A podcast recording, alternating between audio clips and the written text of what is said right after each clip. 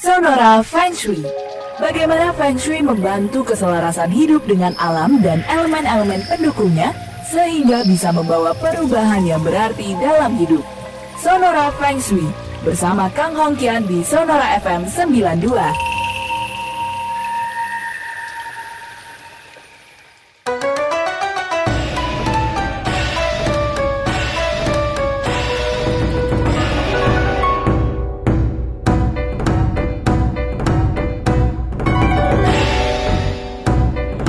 Sonora Part of KGRI Radio Network Selamat bergabung bersama kami di Feng Shui. Untuk Anda sahabat Sonora yang ada di Jakarta Dan juga di kota-kota lainnya pada malam hari ini Hari Jumat edisi 21 Mei 2021 Saya sudah tersambung bersama Pak Kang. Selamat malam Pak Kang. Selamat malam juga dan hari ya. Kabar sehat dong. Oh selalu dong. Kok nggak pakai always? Kan udah diambil sama Anda always. Oh iya, Pak Kang selalu saya always ya. Iya, saya tinggal nungguin always. Rumah hujan nggak tadi? Kenapa? Rumah hujan? Rumah enggak. Enggak. Aman-aman aja. Di luar hujan. Ah, eh, Kalau kejebak. rumah hujan tuh namanya bocor. Ini kedua kalinya BTW saya kejebak ya, saya baru inget jadian. eh, anyway Pak Kang, kita minggu lalu punya utang nggak sih yang harus kita bayar minggu ini? Ya sih, kita eh, eh, yang penting ya Hmm? untuk mengingatkan saja. Ah ya. Oh, beberapa minggu ini kan kita memang sudah berbicara mengenai eh, banyak hal gitu ya. Paling enggak kita berbicara soal dapur dan se- seputarnya. Ya. Dapur kan merupakan salah satu dari tiga hal penting ya, tiga aspek terpenting dalam penataan feng shui. Hmm. Dan eh, yang berkaitan dengannya, misalnya kita sudah bicara pola kedudukan, ya, ada pintu gitu kan. Hmm. Kaitannya tentu saja dengan pintu utama dan ruang tamu udah tentunya ya. Hmm. Dan tentunya juga berkaitan pula dengan ruang tidur. Nah, kita ingatkan bahwa video-video yang telah kita bicarakan sudah kita publish tuh. Ya. Hmm. Baik. Oke. Ya. Yang masih kurang paham mengenai dapur, banyak hal sudah kita bahas dan sudah kita publish. Bahkan yang terakhir ini, kita mempublish posisi rumah pondasi keberuntungan misalnya. Hmm. Kemudian kompor bersandar pada dinding kamar mandi WC, boleh nggak gitu kan? Hmm. kedudukan dan hadap pintu utama. Di atas dapur, apa sih yang boleh, apa sih yang nggak boleh gitu toh. Hmm. Kemudian dampak pintu kamar mandi WC pada dapur, apa tuh? Nah, kemudian kita juga menunjukkan jangan sampai kita menempati rumah yang keliru kedudukan sehingga bisa berdampak fatalis. Maka daripada itu kita harus bisa menghindari bahaya fatalis tersebut. Hmm. Kemudian, nah yang dua minggu lalu, yang paling greget kita bicara, jodoh susah, hidup pun begana. Nah, Ah. berkaitan dengan jodoh susah hidup pun begana, kita sudah bahas bahwa daripada kita menyiasati sesuatu yang eh, sama saja dengan menspekulasikan masa depan diri dan masa depan anak, Hmm. baiknya kita tidak menggunakan ruang tidur di atas dapur, bersebelahan dengan dapur, di bawah dapur, Wow. ya, yang berhimpitan dengan dapur sebagai kamar tidur. Heeh. Jadi kalau itu yang eh, di rumah Anda terjadi hal semacam itu, tolong ruang eh, tidur tadi dialih fungsikan menjadi ruang untuk hal yang lain. Misalnya ruang kepustakaan, ruang belajar, ruang kerja, dan lain sebagainya. Itu masih oke kok. Hmm. Ya, jadi dengan demikian kita tidak menspekulasikan, terutama menspekulasikan anak gadis ya. Masa depannya sayang kalau kemudian di- dia akhirnya keliru jodoh dan akhirnya menderita sepanjang pernikahannya. Hmm. Eh, kemudian eh, kemarin kita juga bicara ngekos dahulu deh Ya. ya Eh, ngekos eh, supaya aman keuangan Heeh. ya agar harmonis dan se- sejahtera di kemudian. Nah yang belum nih yang kita belum bahas, bagaimana sih juga kan? Kalau ternyata nih ada yang bertanya, ini bukan satu yang bertanya nih Banyak, Juragan. banyak. banyak. Eh, Pak Kang, saya punya saudara, eh. saya punya anak, saya punya family dan sebagainya. Itu memang loh. Kadang hidupnya menderita, sering ribut. Kalau nggak ribut, masalah sakit penyakit, pengeluaran banyak, eh, keuangan berantakan, bisnis nggak pernah maju. Padahal segala daya upaya sudah diupayakan. Nah, jadi kalau sudah terlanjur, karena dulunya misalnya tinggal di atas eh, apa menem- Dapur. ruang tidur di atas dapur nih, atau bersebelahan dengan dapur, sehingga dapat jodoh yang ya katakanlah nyeleneh deh. Oke. tidak tidak sesuai harapan. Heeh, heeh. Ya, jadi bagaimana dong menyi- menyiasati hal itu juragan? Ini yang belum kita bahas loh. Hmm. Kalau berkaitan dengan susah jodoh, kita tahu ya. Eh, susah jodoh bisa dikarenakan bukan hanya dikarenakan kekeliruan feng shui rumah, semacam hal tadi itu ya. Hmm.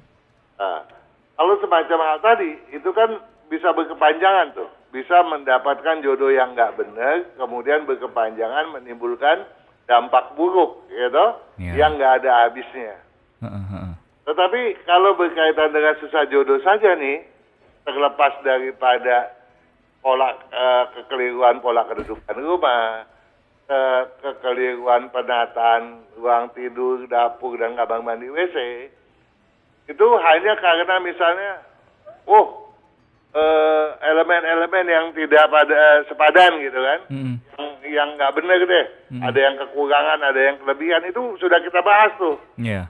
pada video mengenai mendobrak hambatan jodoh gitu toh. Mm-mm, mm-mm. Nah, Tetapi berkaitan dengan yang sudah kebablasan nih, kita mau memperbaikinya gimana juga kan? Gimana Pak Kang? Eh, Ketawa. ya. Jadi ini bukan bukan hal yang gampang loh, Oh, ya. Tetapi mau nggak mau ini kita mesti bahas ini. bahas juga ya. Heeh. Karena kalau enggak kes- kesian juga ya. Iya. Udah segala macam diupayakan, ya. Heeh. Tapi keberuntungan tidak kunjung datang, bahkan hingga usia sudah uzur. Aduh. Dan itu bisa berdampak kepada anak selain eh, kepada keturunan kan? Heeh. Nah, kita mesti memotong hal itu bagaimana caranya, Hmm. ya? Dan memang nggak gampang tadi sudah saya katakan. Nomor satu, saya berharap sahabat Sonora nih, sebelum kita memasuki bahasan yang kita tuju nih, Mm-mm, mm-mm. simak dulu deh, mendobrak hambatan jodoh tuh video tadi. Supaya apa? Supaya kita tahu bagaimana kita menyeimbangkan karakter kita yang berlebihan atau yang berkekurangan yang sampai usia sekarang belum bisa kita stabilisasikan. Oke. Masih ngawur aja gitu. Hmm. Emosinya masih meledak misalnya. Mm-mm, mm-mm. ya jadi karena apa karena itu jadi nanti jadi bagian daripada eh, solusi juga kan nah kemudian juga kalau berkaitan dengan bisnisnya tolong disimak eh, video mengenai bisnis ya ada itu video feng shui bisnis Mhm. di mana saya menjelaskan di sana sejarahnya eh, Chiang Chaya misalnya ya beliau yang sudah usia lanjut tetapi tidak menyerah ya dan berhasil bahkan sebagai seorang yang luar biasa hebat. Nah, kemudian tolong juga disimak mengenai mengapa uang Anda habis. Ada tuh videonya. Nah, mampir Nah. ke YouTube. Kaitan lang eh, dengan solusi tadi, ya. Tentu ada beberapa hal. setidaknya ada tiga hal yang patut kita tinjau eh, lebih sama juga Ganaria. Hmm. Apa itu? Pertama, kita harus tahu berapa sih kadar keselarasan antara insan suami istri tersebut? Wih, gimana nih maksudnya kadar keselarasan insan? Bisa dihitung juga kan. Ah, Maka daripada itu, lalu kita bertanya, tanggal lahirnya yang lengkap, Ha-ha. jangan ngaco, jangan tebak-tebakan, jangan kira-kira. jangan kira-kira, dan sebisa mungkin jamnya pun tepat juga. Paling enggak ada di range dua jaman dan dua jaman itu antara eh, jam ganjil dengan jam ganjil gitu ya. Hmm. Kan antara jam genap dengan jam genap. itu nanti ngitungnya jadi repot. nah terus kita juga harus menghitung apakah kedua insan yang sudah menikah ini yang sekarang dilanda banyak masalah tadi, apakah kesepahamannya cara berpikirnya sama apa enggak? Hmm. Nah ini ini jadi PR kita nih untuk kita selaraskan. Kalau ini kita nggak selaraskan, kita nggak bisa nih keluar dari Masalahnya. sumber masalahan tadi itu, Hmm. ya. Kemudian lebih lanjut juga kan, kalau kita udah hitung, oh jodohnya sih bagus loh, Hmm. ya atau jodohnya malah ya emang sih jodohnya nggak cocok, cara berpikirnya beda. Nggak heran deh kalau dia terus bengkelai tiap hari. Oke. Tapi karena mempertahankan masa depan anak, ada logika yang harus dipertahankan, mereka akhirnya masing-masing menahan diri gitu kan. Heeh, heeh. Enak tuh, hidup tersiksa. Iya, bener bener. Gitu? Heeh. Nah, Kita harus selesaikan nih, bukannya selesaikan kemudian kita ambil jalan pintas berpisah, Hmm. Tapi bagaimana supaya hal-hal yang tidak mengenakan itu berlalu dong, selesai dong. Betul. Nah, berkaitan dengan itu kita perlu tahu waktu itu melangsungkan pernikahannya ah, pada saat selagas atau enggak. Yong apa enggak sih? Ah, oke. Tanggal pernikahannya pas Waktu pernikahan, maka kan kita suka bahas tuh ya. Heeh. Kalau ada orang bertanya, ya si Anda bertanya pada saya, eh, namanya si Anu sua- eh, calon suami, Heeh. jamnya Anu, Heeh. terus yang istri jamnya nggak ada, eh, saya kan nggak mau. Iya, bener bener bener. Ya kan? Kenapa? Karena pernikahan bukan untuk jangka waktu yang pendek. tuh. Iya. Dan eh, akhirnya kan juga mengandung banyak beban yang harus ditanggung nantinya. Mm-mm. Beban untuk mendidik anak. ya Jangan sampai kekeliruan kita kemudian berdampak buruk pada anak dong. Iya. Iya. Nah, kalau itu sudah kita hi- hitung nih, oh ternyata eh, pelaksanaan dulu tuh nikahnya tuh keliru tuh juragan. Hmm. Ada jalan keluarnya juragan. Gimana? Kita siasati dengan seolah-olah menikah ulang. Lah, dengan cara? ya, mencari saat yang bagus Ah. di eh, menikah kembali dengan kepercayaan masing-masing. Heeh. Jadi seolah-olah kita membuang yang lama, meniti yang baru gitu toh. Mm-mm. Nah, itu itu masih memungkinkan. Namun hal itu nggak cukup dengan begitu aja juga kan. Harus ditindaklanjuti dengan kemudian menyiasati feng shui rumahnya. Kenapa eh, feng shui rumah disiasati? Ya kalau rumah kedudukannya salah, seperti kita bilang kan kemarin, kalau udah salah, wah bisa-bisa ingat nggak yang Iya. Ibu Sulastri saya Iya. bilang jangan dibangun rumahnya pindah aja. Bener bener bener bener. Betul? Bener. Nah, kalau itu dipaksakan, toh akhirnya percuma jalan di tempat kita punya kita punya bisnis. Hmm. Hal yang negatif, ya, yang merusak, destruktif itu sering kali terjadi di tempat itu.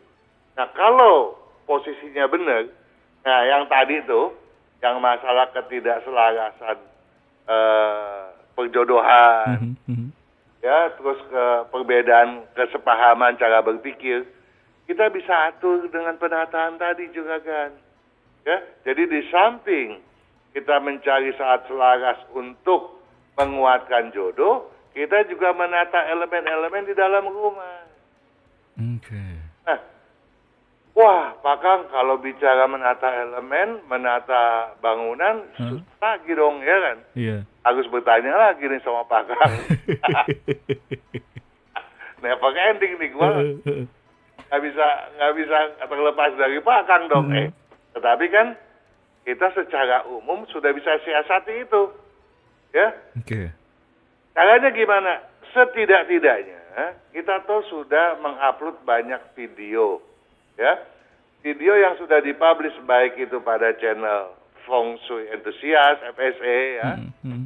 Uh, kemudian juga ya, pada channelnya Kang Singfat, putra saya punya channel, atau di Sonora FM toh Iya, benar. itu bisa disimak. Juga misalnya juga mengenai eh, video-video UFO Lingman, ya itu banyak cara jalan keluar untuk kita menjadi stabil dalam berpikir dan mempunyai kebijakan yang baik gitu kan. Hmm.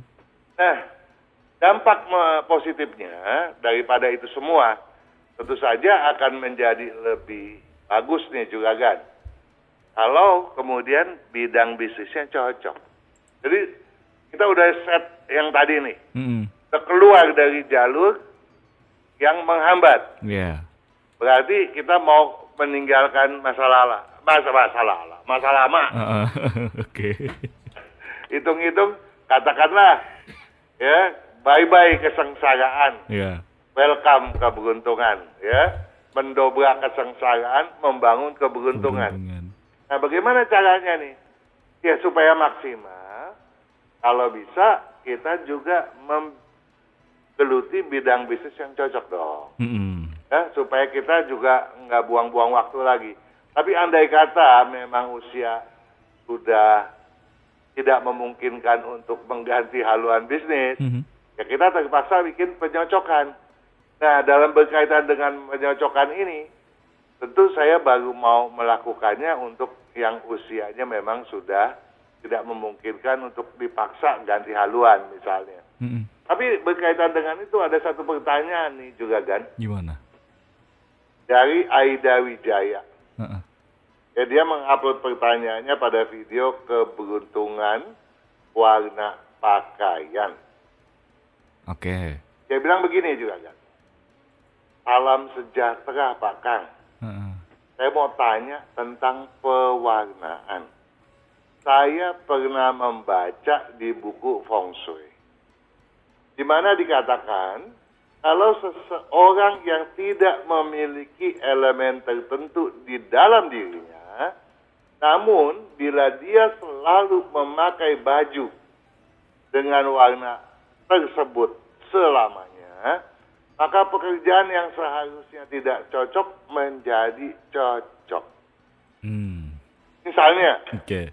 bila saya tidak memiliki api dalam unsur diri saya, namun bila mana saya selalu memakai pakaian berwarna merah, Heeh.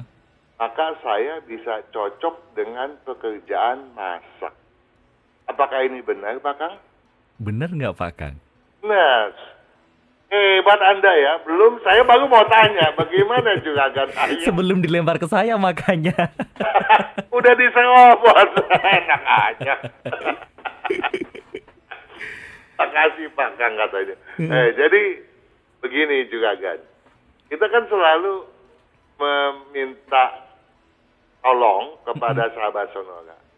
Eh Anda selama dua tahun pakai baju warna hijau ya. ya. Eh Anda tolong pakai baju warna kuning, coklat. Atau Anda pakai baju warna merah, warna putih, hitam, biru, abu-abu. Begitu toh? Heeh.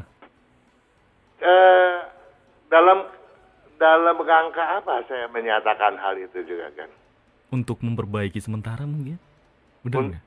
Mem- menyeimbangkan, Ah. Mengangkat, ya. Kalau saya sarankan, tentu untuk mengangkat. Kalau eh, saya sarankan untuk dipakai, maksud saya, Heeh. itu untuk mengangkat.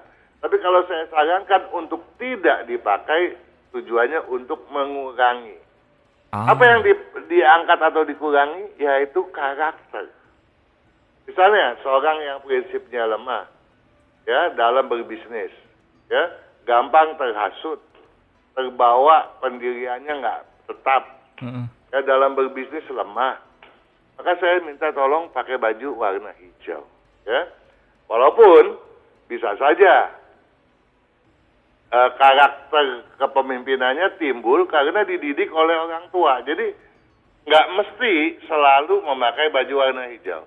Tapi untuk suatu pendidikan tersebut sering kali jarang dilakukan gitu ya. Jarang ada orang tua punya eh, mengebleng anak sampai Sejauh itu. Ya. Nah, jadi saya minta itu di- digunakan. Nah, Anda malas. Mm-mm. Pakailah baju warna merah supaya semangat gitu. Hmm, supaya berapi-api. Pernah nggak saya bilang, eh Anda bisnisnya masak, Heeh. cocok. Anda harus pakai baju warna merah supaya cocok. Pernah nggak? Pernah. Nggak. Oh enggak ya? Oh enggak ya? Nggak pernah. Oh kok malah enggak? Masak ketemu api. iya. Tapi saya nggak pernah bilang, eh Anda nggak cocok baj- eh, untuk bidang bisnis itu. Saya suruh ganti bidang bisnis toh. Saya nggak pernah menyuruh memakai baju warna tertentu sebagai penyocokan. Oh, Karena- oh ya. Karena memakai baju warna merah belum tentu cocoknya akhirnya ke masak. Oh, oke nangkep, nangkep sekarang nangkep, nangkep. ya, Iya, karena baju warna merah dia akan menguasai kayu, menguasai logam. Hmm. Nah, tetapi kita harus melihat unsur dominan ya daripada sebuah komposisi elemen. Mm-mm. Bisa saja kita memakai baju warna merah, malah akhirnya kita nggak cocok untuk masak memasak. Makin gak cocok malahan.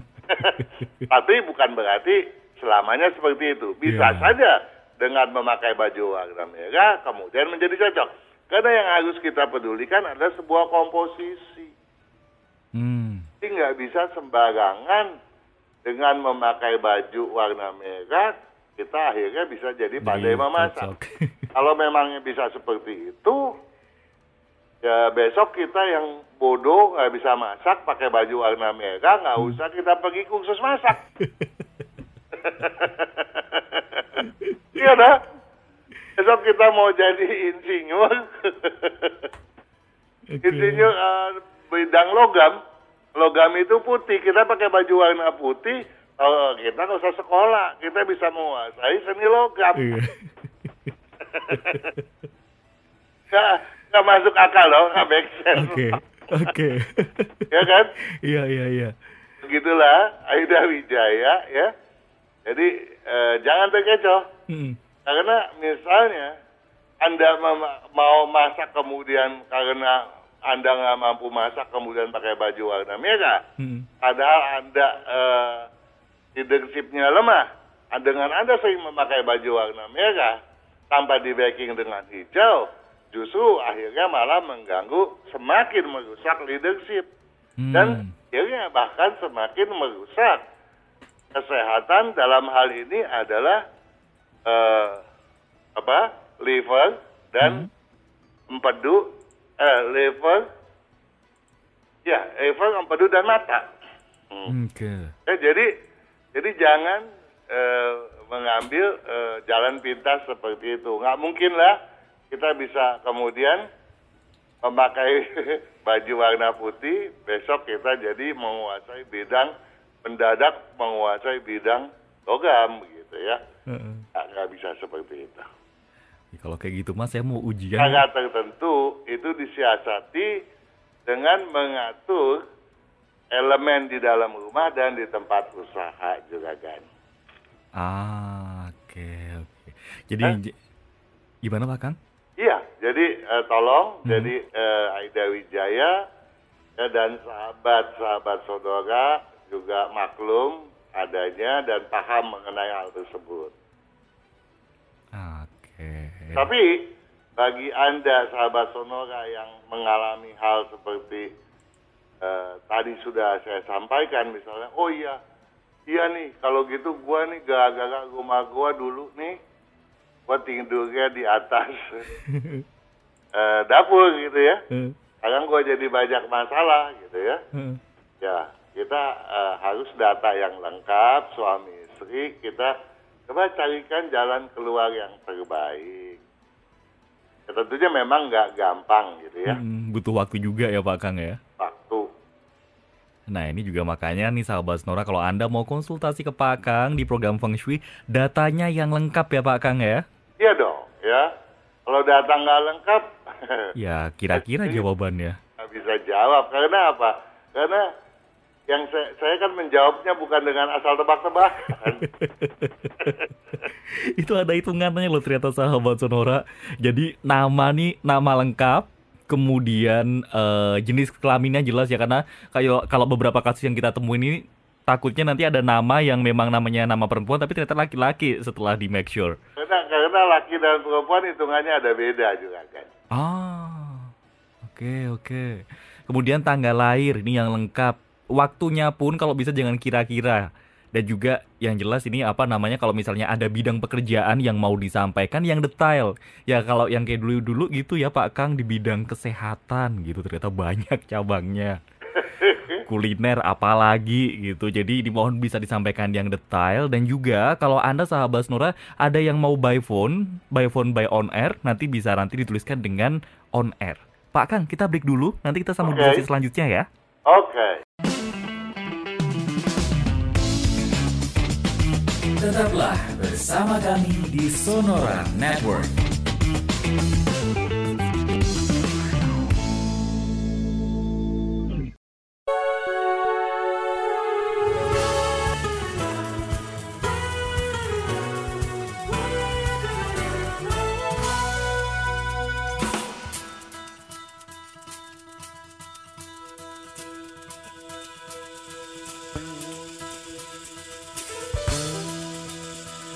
Bang Shui masih menemani Anda sahabat Sonora dan juga saya masih tersambung bersama Pak Kang. Pak Kang, Iya, ini sudah ada yang nyambung lewat telepon kita angkat dulu ya Pak Kang ya. boleh dong. Baik, ada siapa ini? Selamat malam. Ah, malam Pak, di sini Markus Pak. Baik, Pak Markus, silahkan bisa langsung disampaikan data dirinya ke Pak Kang. Oke, malam Pak Kang. Selamat malam juga Gan. Halo, malam Pak Kang. Ah, Ya, tahu malam selamat Ya. juga Gan. Pak mau tanya Pak, kalau kita untuk ngebangun rumah, Ya, sebaiknya menghadap ke arah mana Pak Kang? sebaiknya menghadap ke arah mana saya nggak bisa jawab loh. eh, eh, Pak Markus mungkin bisa disampaikan dulu nih nama lengkapnya, kemudian juga tanggal lahir dan juga jamnya. Selamat malam Pak Halo? Markus. Halo, halo. Pak Markus bisa mendengar suara Ya. saya? Selamat malam Pak Markus. Tanggal lahir Oktober 1959 Pak. Tanggal berapa? Tanggal berapa? Mas Dan. Eh, suaranya kurang jelas. Ini mungkin bisa di- diulang lagi, Pak Markus. Oke, halo. Halo, Jelas, halo. Pak? Baik, baik. Ini suaranya udah jelas. Silahkan, silahkan. Oke, saya Markus Agus Subiantoro Pak. Markus, Lahir 5 Oktober 1959. Pak Markus bisa agak pelan-pelan menyebutkan data dirinya. Nama lengkapnya Markus, Markus Aha. Agus Markus Agus. Subiantoro. Ini bisa semua ya? Ya, Oke. Oke. Tanggal Tanggal lahirnya. 5 5 Oktober Mhm. 5 Oktober 1959. Pak. 19 1959. Betul. 59, ya. Pukul Jam 3 pagi. Jam 3 pagi, liwat atau kurang? Jam 3 pagi, Pak. jam 3 pagi pas berarti ya? Ya. Oke. Untuk pertanyaannya tadi yang pertama rumah yang baik ada mana? Menghadap Nah, kita lagi cari misalnya cari tanah ngebangun sendiri gitu ya. Nah, yang paling cocok itu sebetulnya menghadap ke timur, arah mana gitu. timur laut. Timur laut, Pak Markus. Sekarang rumahnya Pak Markus posisinya kehadap ke mana? Pak Markus bisa mendengar suara kami? Halo? Baik, ini karena mungkin suaranya tidak bisa tersambung. Eh, Pak Kang, ini kita tahan dulu aja, Pak Kang. Oke, Oke, kita ke sahabat Sonora dulu ya. baik, baik. Tapi yang penting, Heeh. sesuai pertanyaan Pak Markus Agus Subiantoro, eh, rumahnya yang paling baik untuk dicarikan tanah untuk dia bangun rumah Mhm. adalah menghadap ke timur laut atau menghadap ke timur gitu ya. Itu yang itu ya eh, jawabannya. Mhm. Dan paling enggak saya minta tolong Pak Markus ini orangnya baik sekali. Jangan terlampau gampang percaya orang dan kurangi makanan yang manis dan asin dan ya eh, jangan terlalu jangan juga begadang karena dia punya eh, apa kelemahan pada liver dan juga pada jantung yang harus dijaga. Jadi mudah-mudahan Mhm. hal-hal semacam itu yang ditanyakan oleh Pak Markus toh sudah ke, saya kira jawab begitu ya. Oke, mudah-mudahan Pak Markus juga mendengar ini penjelasan singkat dari Pak Kang. Terima kasih. Kemudian Pak Kang ini ada yang tersambung di yang terakhir untuk by telepon ada satu lagi kita sambungkan ya. Oke. Selamat malam Pak Leo. Selamat malam. Baik, bisa mendengar suara saya dengan jelas? Iya, bisa. Baik, silakan bisa disampaikan ke Pak Kang ini nama lengkap, tanggal lahir dan juga jamnya. Eh, nama lengkap saya itu nama lengkap Chinese atau Yang dipakai eh, Yang Indonesianya? Yang dipakai Pak Leo.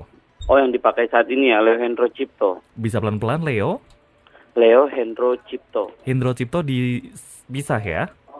Iya, betul. Oke. Oke. Tanggal lahirnya Eh, tanggal lahirnya kalau menurut perhitungan Cina bulan 6 tanggal 1 Bulan jam 7 malam. tahun eh, untuk eh, bisa diulangin lagi Pak Leo bulan 6. Bulan 6 tanggal 1 Oke, pukul 7 malam. jam pukul 7 malam lewat 10. belum ada ya? Gimana tahunnya Pak? Eh, tahunnya? Tahunnya 1987. 1987 Masehi. Eh, kalender Cina itu. Kalau itu kalender Cina Mm-mm. udah 500 tahun lebih loh. Ah, oke. Mungkin Pak Leo bisa dibantu dengan eh, tanggal lahir Masehinya. Nggak apa-apa, tanggal lahir masingnya tanggal 26 nggak apa-apa, nggak apa-apa. 26 Juni Oh, enggak apa-apa ya. 1987. Oke. Pak Kang sudah menangkap 6 bulan 6. tahun 1987. Betul ya. Iya, 26 Juni. Nah kalau misalnya eh, juga Gan Leo pemakai tanggal 2 eh, bulan tanggal 1 bulan 6 tanggalan Imlek Mm-mm. Tahunnya 2538 ya lain kali ya. Oke. Pak Leo Tahunnya 2538. Ya. Usianya baru 30-an tahun. Kalau tahunnya 1987 usianya sudah 500 tahun lebih. Oke. Pak Leo bisa mendengar suara Pak Kang ya? Eh, lagi nggak standby di Ah, oke. Saya ini ya, saya bisa nyalain radio. Jamnya jam berapa ya? Eh, jam lainnya jam 7 malam Pak Kang. Jam 7 malam. Betul. Pak Leo, Ya, ada pertanyaan yang mau disampaikan ke Pak Kang? eh, mengenai ini aja sih, kira-kira untuk eh, di tanggal lahir seperti itu, hal apa yang memang nggak boleh dilakukan untuk kehidupan, eh, terus berjalannya lebih baik tuh bagaimana gitu untuk wejangannya aja sih. Oke, yang Hmm. bagus kalau untuk mencapai ke Pinjam ini dong, radio. Oke, oke. Baik, terima kasih Pak Leo. Ini mungkin nanti bisa langsung standby di radio atau di YouTube kami di Sonora FM untuk mendengar penjelasan dari Pak Kang ya. Terima kasih Pak Leo. Hmm. Oke. Pak Kang bagaimana ini untuk wejangannya? sayang sekali memang kita tidak bisa interaktif ya. Iya. Nah, kalau bisa interaktif kan lebih enak. Tetapi nggak masalah. Yang ditanyakan adalah bagaimana wejangannya supaya sukses gitu toh. Yang paling paling penting bahwa eh, Juragan Leo harus paham bahwa eh, kemampuan untuk berbisnis itu ada. Jadi kalau bekerja pada orang lain tentu ada, adalah pilihan yang jangan terlalu lama gitu untuk cari pengalaman nggak masalah gitu ya. Mm-mm. Tapi pada saatnya haruslah berani untuk berbisnis sendiri gitu ya. Walaupun dalam berbisnis sendiri dari komposisi yang ada memang kemulusannya nggak bisa langsung didapat. Jadi walaupun banyak gangguan harus berani dihadapi. untuk mengurangi gangguan-gangguan tadi, Mhm. eh, juga Leo yang eh, temperamennya gampang memuncak, tolong dikurangi ya. Oke. Pada satu sisi, eh, juga Leo ini memang energik, ada capeknya gitu. Oke. Eh, Tetapi pada sisi yang lain, itu sering kali meluap kemarahannya sehingga merugikan diri sendiri. Ini yang perlu diseksamai betul. Hal-hal lain eh, nggak begitu terlalu masalah. Yang penting eh, tidurlah yang cukup eh, apa itu eh, produk eh, apa berkualitas maksud saya. Mhm. Jangan banyak pikiran karena susah tidur dia sebetulnya. Ya. Ah. Nah, kalau betul-betul mengalami susah tidur, maka tolong ketika tidur ruangan betul-betul digelapkan. Kalau itu pun belum bisa menolong, tolong pakai baju warna gelap juga ketika tidur. Ini penting agar keseimbangan berpikir ketika eh, beraktivitas itu akan eh, bagus sekali gitu ya. Apalagi kalau kemudian bisnisnya difokuskan kepada bidang berunsur kayu dominan. Ya. Nah, kalau bisa difokuskan ke sana, tentu perkembangannya kelak akan luar biasa. Apalagi kalau rumahnya bisa menghadap ke barat. Ah, rumahnya ke barat ya. Betul. Oke. Kita break dulu Pak Kang.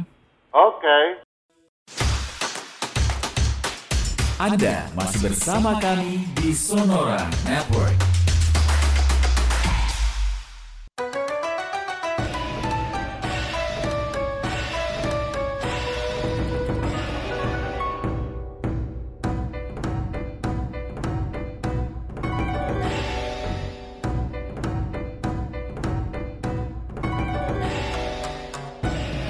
Di sesi terakhir bersama Pak Kang malam hari ini di Feng Shui, ini sudah banyak pertanyaan yang ngantri. Kita bahas satu persatu ya Pak Kang ya. Hai.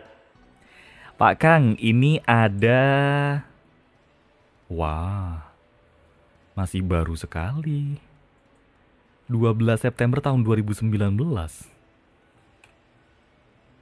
Hmm, namanya Anastasia. Anas Anastasia, pakai I. pakai Y, Eh, pakai I. pakai E. I, ikan. Asia. Hmm. Ya. 12 bulan 9 12 bulan 9 tahun 2019, Pak Kang. 2019 nggak masalah. Oke. Eh, Jamnya sebentar. Sebentar. Oh, betul, betul. Mau tanya, eh waduh jamnya nggak ada. Kita ya, lihat. kita lihat dulu ya. Mau dilihat atau langsung di skip? Ya, ya skip aja lah. Oke, daripada nanti jawabannya kira-kira ya. Iya, daripada tanya ngaco, dia tanyanya masa depannya. Toh, Oke. Lanjut Pak Kang. ya, Ada Cynthia Caroline. Cynthianya pakai eh, saya ejah aja ya Pak Kang ya. ya.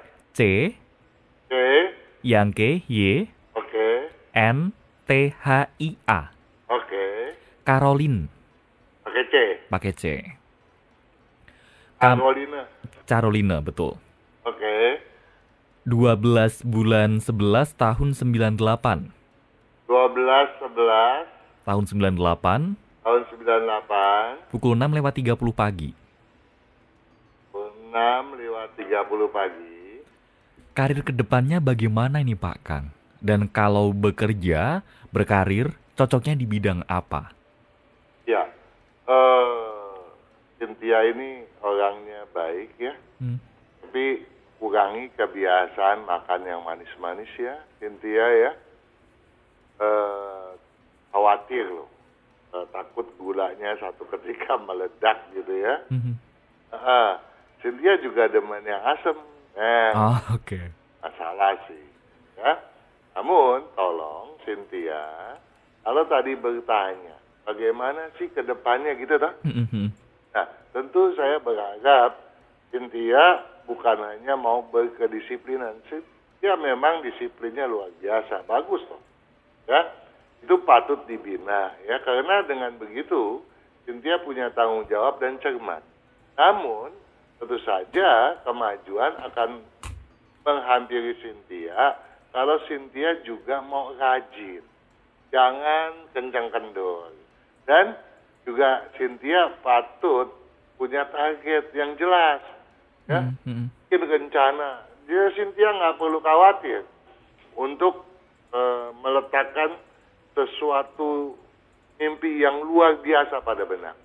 Karena mimpi tersebut buat Cynthia kalau dilekatkan benar, saya yakin akan terwujud. Ya, bukan sesuatu yang bersifat omong kosong belaka. Yang penting berani membayangkannya dan berani untuk mengejarnya. Karena lain-lain hal akan bersifat mendukung, ya. Oke. Jadi nggak perlu khawatir, ya. Heeh. Nah, eh, kemudian eh, Cynthia kalau mau berbisnis silakan, ya. Di masa sekarang pun Cynthia nggak ada ciong, ya. Tetapi kalau di tahun depan Cynthia jangan memulainya, ya. Cynthia boleh memulai lagi nanti setelah tahun 2023 tentunya ya.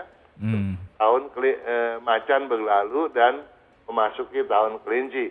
Karena Cynthia sendiri sionya macan tanah. Akhirnya tanggal 24 bulan 9 tahun 2549 Imleknya. Dan eh, konsentrasinya ada beberapa bidang yang bagus buat Cynthia ya. Hmm. Kalau Cynthia eh, selama ini sekolahnya ke bidang eh, IT misalnya, wah lulusnya luar biasa hebat. Ah. Kimia atau ke apoteker atau bahkan kedokteran ya, Heeh. saya cocok jadi dokter kecantikan gitu ya. Heeh. Jadi bisnisnya bidang apa? Cynthia lihat aja di buku. Yang paling eh, menjanjikan adalah bidang berunsur air dominan. Kedua campuran air dengan tanah. Ketiga adalah bidang berunsur tanah. Dan keempat adalah campuran api dengan air. Hmm. Ya. Pasti sukses lah. Cynthia nggak perlu khawatir. Nah, itu tinggal dicatat catatan dari Pak Kang tadi ya. Oke, itu saja Pak Kang. Iya dong. Ada lagi? Itu aja sih tadi. Ya. Oke, terima kasih. Kemudian selanjutnya ada Catherine, Pak Kang. Catherine. Catherine. C-A. C A T H Uh-uh. E R I N E. Oke. 14 ta eh, 14 bulan 10 Ya. tahun 96 Tahun 96. pukul 19 malam. 19 malam, ya. Mau tanya jodohnya Pak Kang dan juga kesehatan di tahun ini bagaimana? Kesehatan di tahun ini, ya. Nggak ada ciong, ya. Eh, tetapi tentu saja eh, Catherine jangan keras kepala. Dan jangan mendendam. Kalau Catherine selalu be- apa, memasukkan hal-hal yang destruktif, negatif ke dalam diri, tentu akibatnya akan merusak kesehatan dong ya. Ya. Apa yang dirusak? Yaitu liver. Padahal Catherine sendiri waktu bayi sudah kena gangguan kuning loh ya. Bisa juga nanti ganggunya ke mata misalnya. Hmm. Terus juga bisa ganggu ke pencernaan gitu. Ya. Jadi tolong hal keras kepala tadi dikurangi dan buang rasa dendam. Kemudian apalagi yang ditanyakan tadi? Soal jodoh Pak Kang. Oh soal jodoh. Heeh. Soal jodoh ya sama. Gimana? Ya keras kepalanya dibuang ya. Ah. Ini tentu eh, kalau bisa membuang itu nggak ada masalah dengan jodoh Heeh. ya. Kan pun Catherine jodohnya gampang datang, nggak ada hambatan di jodoh nggak ada hambatan ya.